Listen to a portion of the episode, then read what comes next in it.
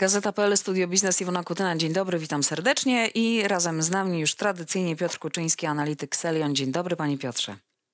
Dzień dobry państwu. Witam bardzo serdecznie. Ustawę okołobudżetową przegłosował wczoraj e, Sejm.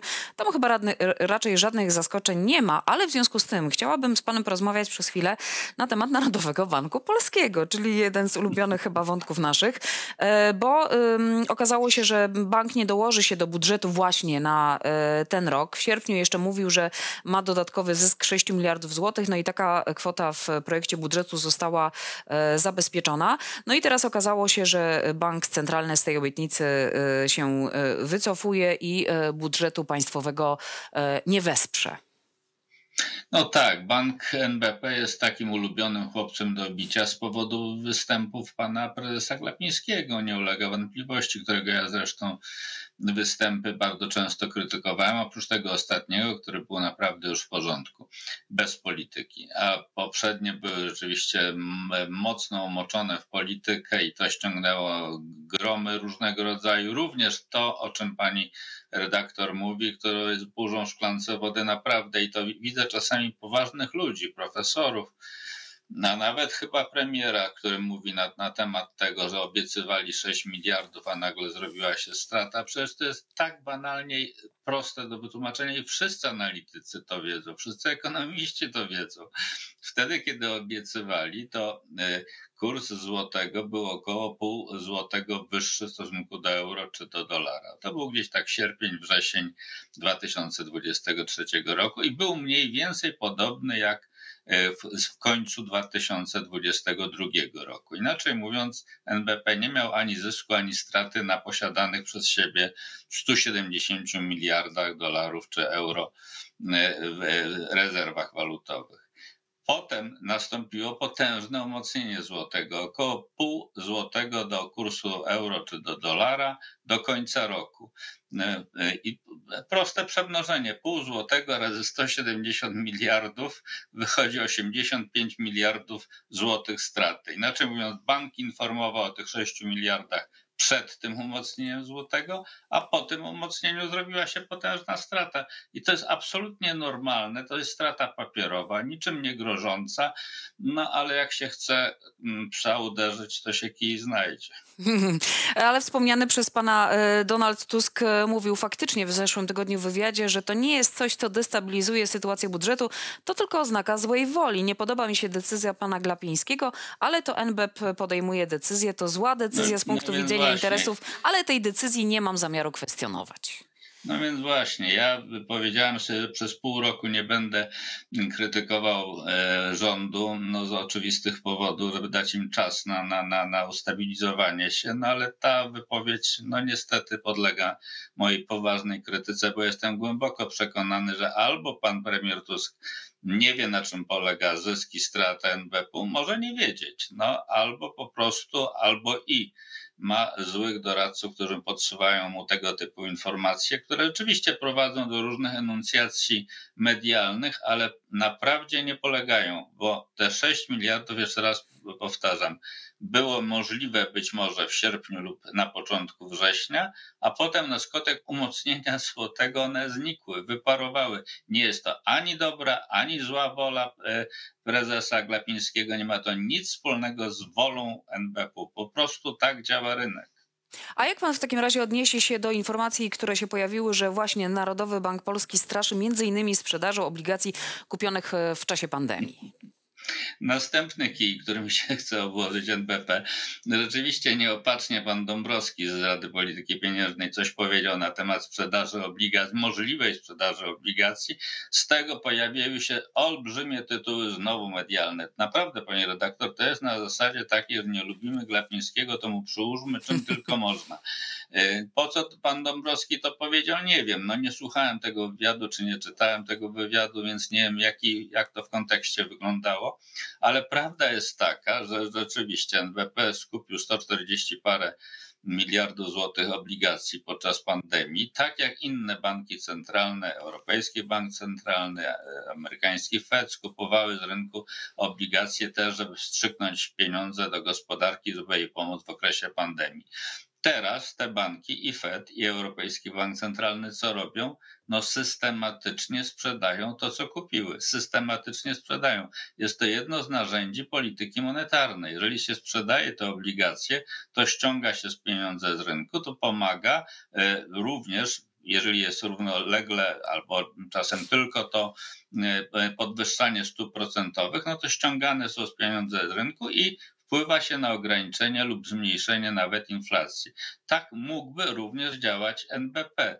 Ja rozumiem, nawet w wypowiedzi pana Dąbrowskiego chyba nie było to, że NBP mógłby całe 140 parę miliardów złotych nagle wyrzucić na rynek, co by doprowadziło do dwóch, trzech tygodni zawirowań, ale nie więcej. Jak ja czytam o zrujnowaniu polskich finansów, to w ogóle się śmieję, bo w tym roku rząd będzie potrzebował 450 miliardów złotych nowych pożyczek, 450 miliardów. Gdyby dorzucić to, z tego całe te 140 miliardów, no powstałaby pewna górka, pewne zaburzenie, ale na pewno nie zrujnowanie finansów publicznych, a poza tym NBP z całą pewnością nie sprzedawałby całego pakietu natychmiast. W związku z tym znowu burza w szklance wody.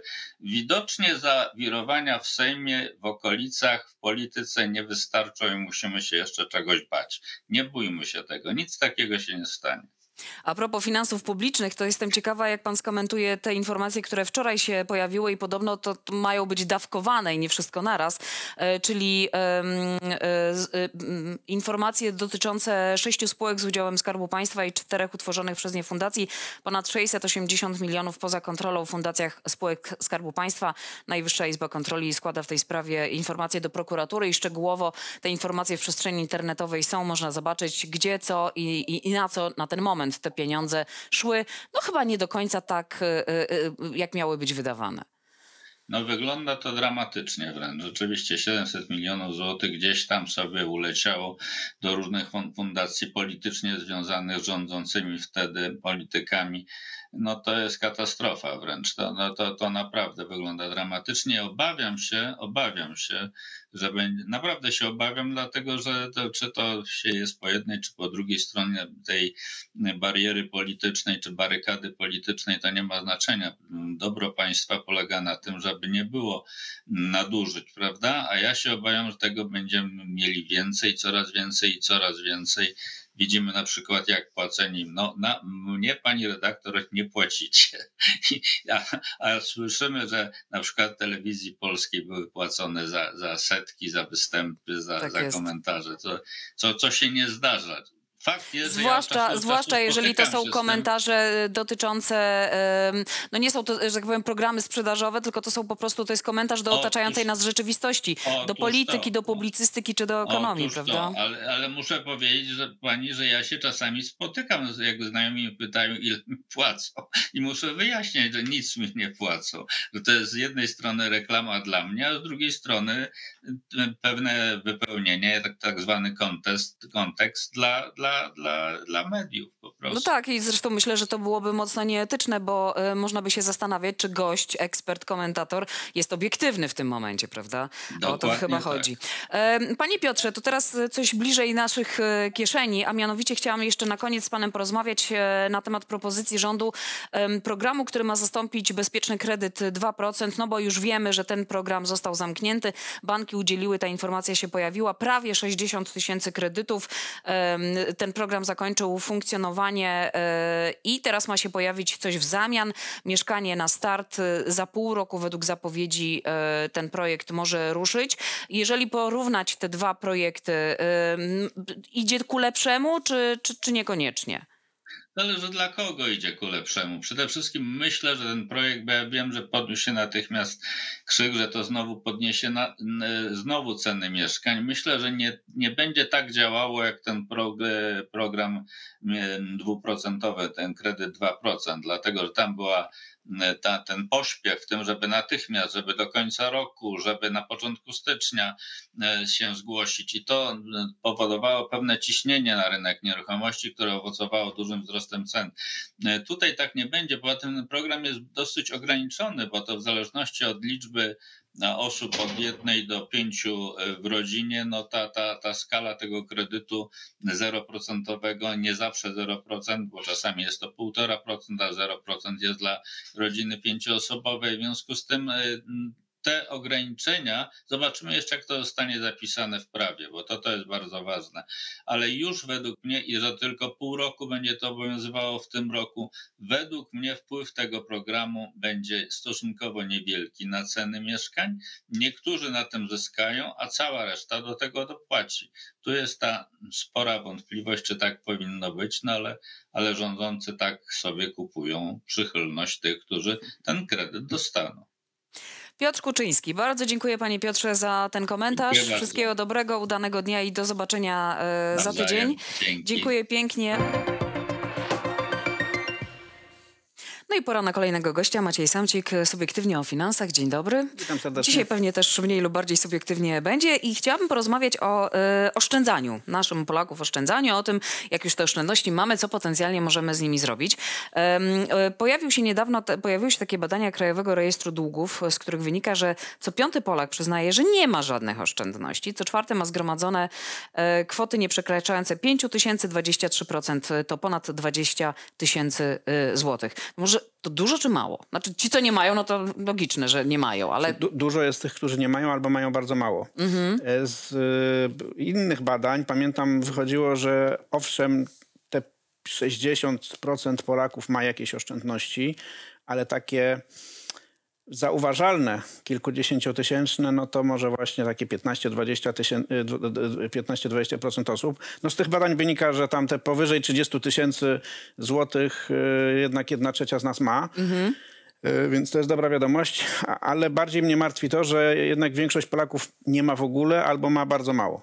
A z czego to wynika? Z tego, że nie mamy z czego oszczędzać, czy że nie umiemy oszczędzać? E, Z tych dwóch rzeczy, no i z inflacji. Bo ta, te, te trzy lata inflacji bardzo mocno przetrzebiły nasze portfele. Owszem, dostarczone zostały różne tarcze, różne dotacje, dodatki, e, socjał, tak, ale z, my to przejedliśmy. To znaczy to, co wjechało, żeby nas ochronić przed skutkami pandemii, zostało zjedzone przez inflację i w zasadzie jesteśmy w punkcie wyjścia. Znaczy kto nie miał pieniędzy, to nawet jak mu się trochę poprawiło, to teraz znowu ich nie ma. Kto ma mało, nadal ma mało albo jeszcze mniej niż miał.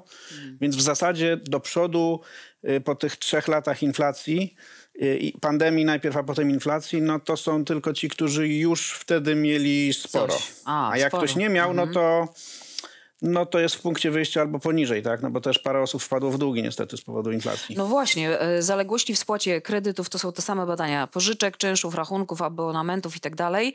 E, Prawie 45 miliardów złotych.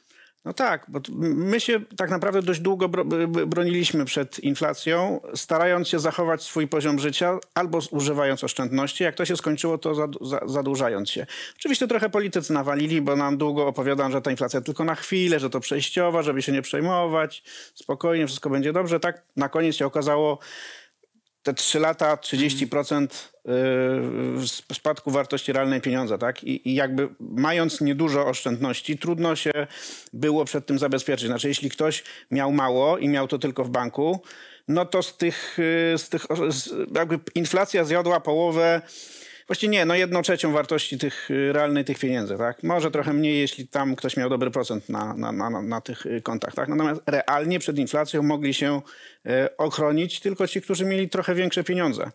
E, którzy już mogli sobie pozwolić na zainwestowanie na rynku kapitałowym, którzy mogli sobie pozwolić na zakup jakiejś nieruchomości albo udziałów w nieruchomości, albo kawałka ziemi, no czegokolwiek, co ja- jako tako broniło przed inflacją. No i tutaj jest największy problem. Tak?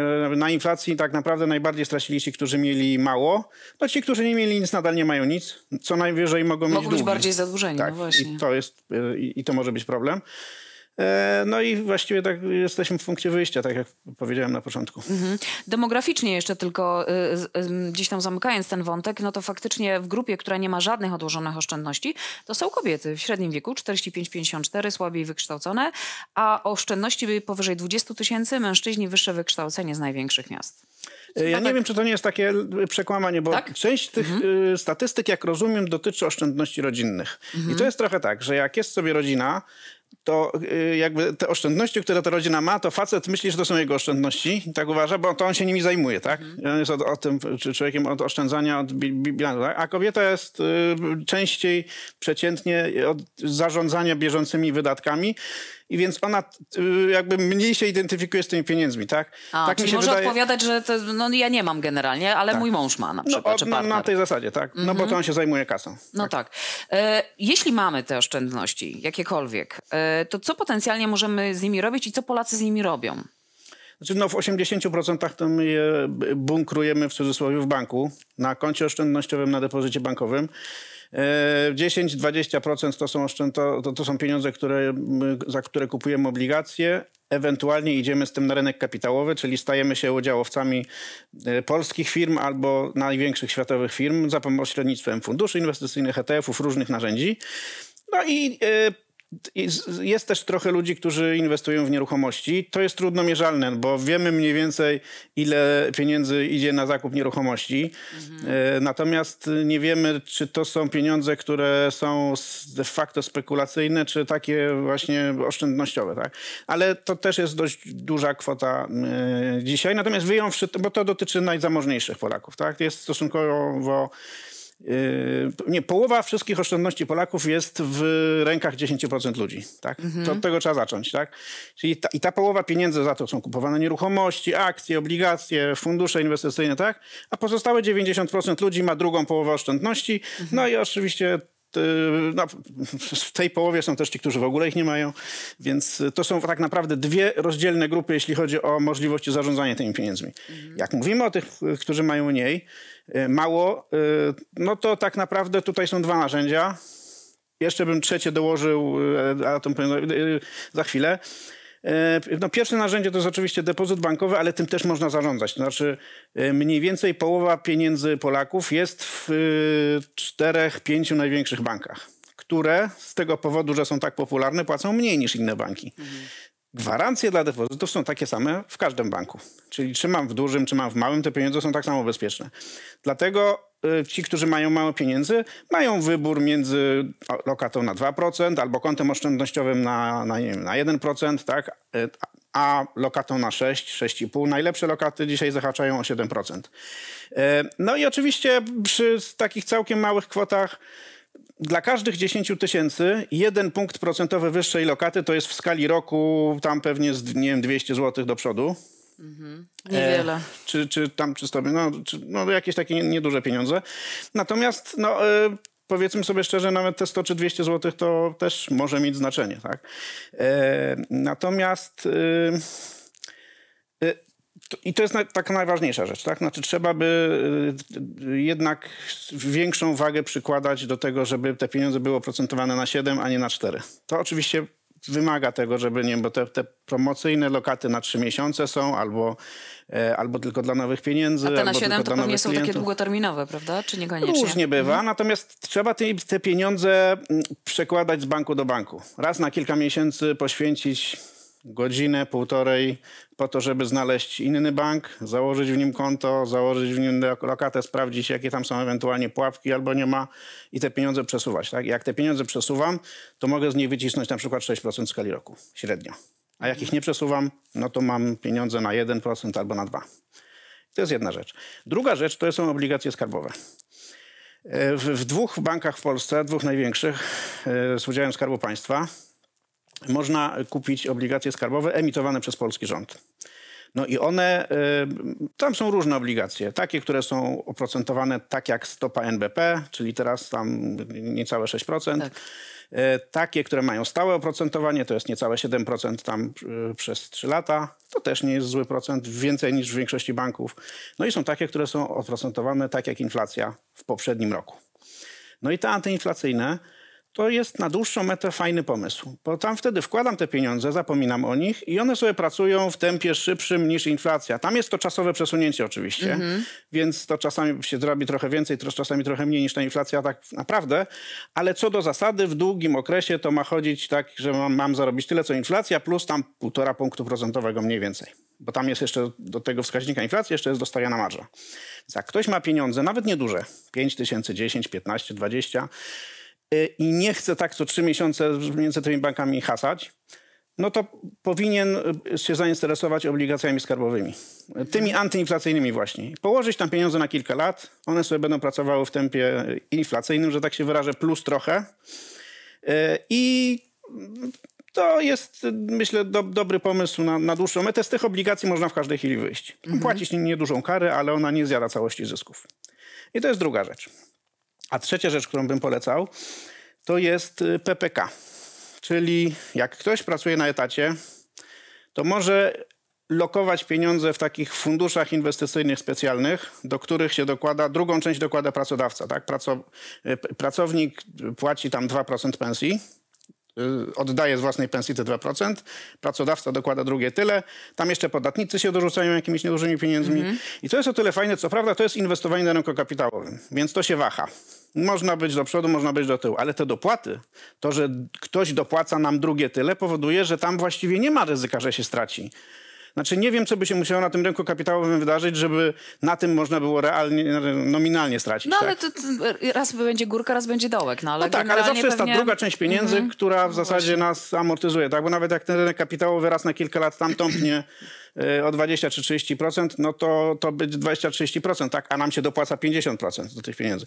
Więc jak ktoś ma mało yy, i nie jest gotów, żeby, i też nie ma tyle pieniędzy, żeby inwestować w, w, na rynku kapitałowym tak na dłuższą, na, na, na większą skalę, to to PPK w, w przypadku osób na etacie to jest fajny mechanizm, bo na tym też E, trudno stracić. Ci, którzy w to weszli, w, skali tam, e, nie wiem, chyba niecałych dwóch lat e, mają dwa razy więcej niż mieli. Mhm. Tak, więc akurat był dobry moment. Tak, mhm. ostatnio był dobry moment dla, na polskim rynku kapitałowym, a tam te PPK stosunkowo dużo pieniędzy inwestują, więc, więc to się opłaciło. Nie zawsze tak będzie, no ale to, to wszedł, to na pewno nie żałuje. A jak ktoś ma większe pieniądze, to czy na przykład to, co dzieje się, no teraz już bezpieczny kredyt 2%, o czym już wcześniej rozmawiałam z Piotrem Kuczyńskim, już go nie ma, ale ma być nowy e, program. Czy to może być taka zachęta, żeby właśnie spróbować zainwestować w nieruchomość, korzystając chociażby z tego programu? Ogólna... to, żeby ten, korzystać z programu, to muszę mieć dużo mniejsze pieniądze i się nie załapie. Znaczy tak, generalnie, żeby skorzystać z tego programu, to on jest w zasadzie dla, jak nie mam bardzo dużej rodziny, to on tylko na pierwsze mieszkanie jest. Mhm. Więc y, ciężko to traktować traktować, to trudno, tak traktować jako, jako wsparcie, jako wsparcie w inwestowaniu. Mm -hmm. tak? Natomiast co do zasady, i jakby w nieruchomościach ja osobiście uważam i tak też no, no, we własnym portfelu inwestycyjnym tak to układam, że nie mam w nieruchomościach, staram się nie mieć więcej niż 20% pieniędzy. Niektórzy nawet mówią, że to powinno być e, góra 10% pieniędzy. Mm. No i jest takie stowarzyszenie, które skupia najbogatszych Amerykanów i oni mają przeciętnie tam raz na jakiś czas e, analitycy badają ich portfele i oni mają w nieruchomościach mniej niż 10% pieniędzy.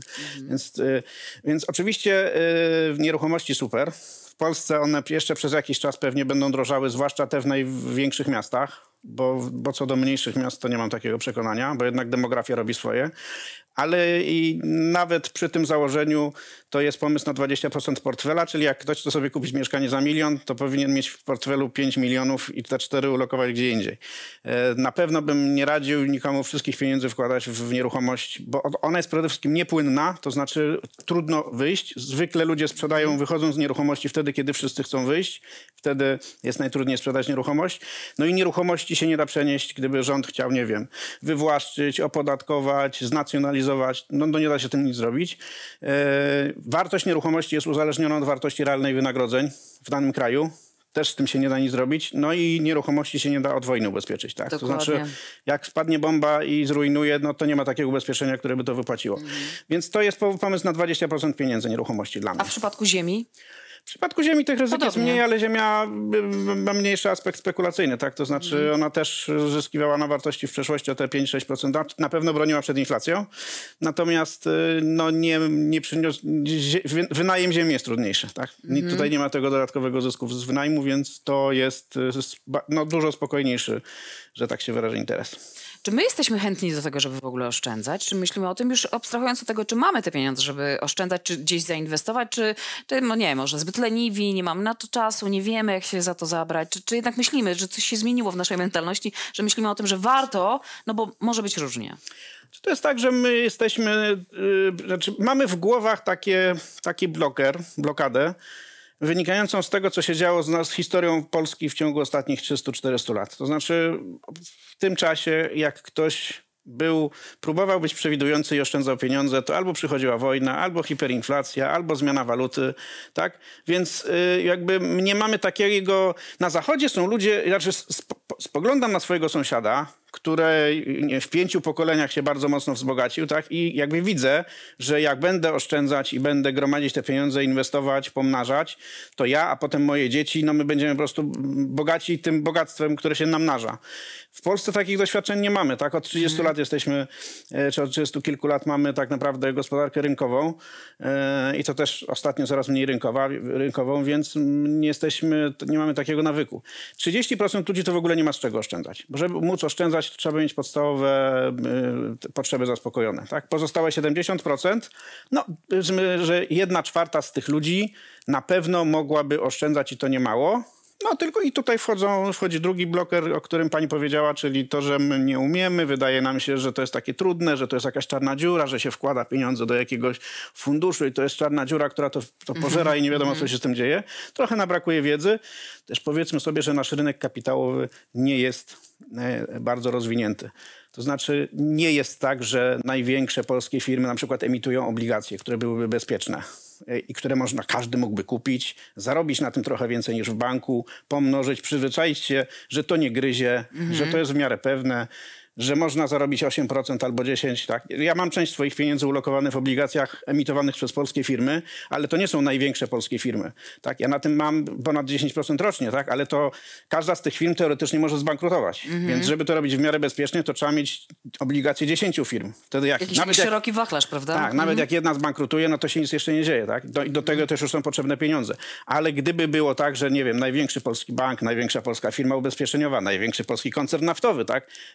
Obligacje dla wszystkich Polaków, to są firmy, które nie mogą zbankrutować. I one mhm. mogą zapłacić więcej niż bank. No to wtedy Polacy by się nauczyli, że inwestowanie to jest coś w miarę fajnego, tak? I to, to, to, no my tego po prostu nie mamy. Ten nasz mhm. rynek kapitałowy nie działa.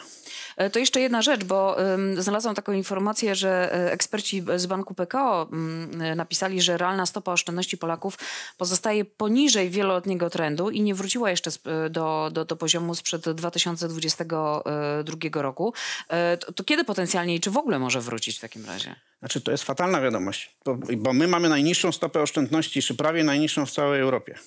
Czyli jak dostajemy tysiąc, przysłowiowy tysiąc złotych, no to z tego tysiąca złotych przeciętny Niemiec, y, jak on dostaje tysiąc euro, tak, to mhm. on, on dwa, 200 euro z tego tysiąca przeznacza na oszczędności, a Polak nic prawie. Mhm. No i my bez tego nie, nie, odbudujemy po pierwsze tych oszczędności, które straciliśmy przez inflację, a po drugie no nie, nie będziemy w stanie się bogacić, bo nie będziemy napędzać tego efektu kuli śniegowej, tak? Bo jeśli mam, e, nie wiem, jeśli mam 1000 zł i zarobię na tym 10%, to mam 100 zł, tak? Ale mhm. jeśli potem z tego tysiąca mam 5000 albo 10 albo 20, to już 10% od tych pieniędzy to są zupełnie, zupełnie inna kasa.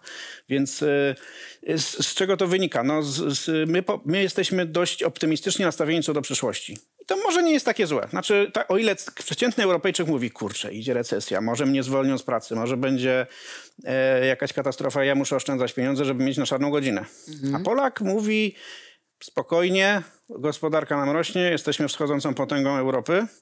E, bezrobocia prawie nie ma i nie będzie z przyczyn demograficznych. E, jesteśmy dużym rynkiem, e, konsumpcja będzie rosła, rząd będzie dopłacał do różnych rzeczy, tak? E, transfery socjalne spokojnie, tak? Nie ma się co przejmować, idziemy na zakupy. No i to po pierwsze nie, no nie jest takie złe, ponieważ to rzeczywiście jak pójdziemy na zakupy, to ta gospodarka będzie trochę rosła. No ale z drugiej strony jest złe, no bo jak coś pójdzie nie tak, jednak się nam z zewnątrz przyjdzie jakieś nieszczęście gospodarcze, no to my zostaniemy goli i weseli, tak? Bo tak. bez tych pieniędzy, które nam są potrzebne jako poduszka finansowa. No właśnie, te, te zakupy ok, tylko może tak zdroworozsądkowo, nie od razu wszystko naraz. To po pierwsze, a po drugie jednak najważniejsze jest to, żeby mieć pod ręką... Yy, sześciomiesięczne, a najlepiej dwunastomiesięczne, ale powiedzmy, no niech każdy ma sześć miesięcy swoich zarobków odłożone w, bezpiecznie w jakimś banku albo na koncie oszczędnościowym, albo w tych obligacjach skarbowych. to wtedy nawet jak jest coś w życiu dzieje niedobrego, to, to nie trzeba od razu iść po chwilówkę. No tak, zresztą kończąc ten wątek, y, to mm, pan wspomniał o te oszczędności, które pozwolą utrzymać się w przypadku utraty pracy, jakie mamy, no to e, no właśnie, zależy od tego, ile odkładaliśmy, jaka skala tych wydatków i mam takie dane, 35% respondentów oszczędności wystarczyłyby na miesiąc, 40 pół roku, a tylko co czwarty Polak twierdzi, że z, z tych oszczędności, które ma, mógłby się utrzymać przez rok lub dłużej. No właśnie, i tu nad tym musimy pracować. Na, nawet jeśli nie mamy bardzo, wysokich, y, bardzo wysokiego wynagrodzenia i nam w tym budżecie domowym dużo nie zostaje, to zawsze te 200, 300, 400 zł odłóżmy, schowajmy je przed sobą. Już przy, przy, ja to mam taki sposób, że po prostu 10% pieniędzy, które mi wpłyną, natychmiast przed sobą chowam. Czyli po prostu na takim koncie oszczędnościowym w zupełnie innym banku, tak żeby do niego nie zaglądać co chwilę, żeby nie kusiło. Odkładam i po prostu to jest y, na, na, na czarną Na godzinę. czarną godzinę. Maciej Samcik był razem z nami. Bardzo dziękuję za e, rozmowę e, i za Dzięki. te wszystkie informacje. Państwu również dziękujemy. Miłego dnia i do zobaczenia.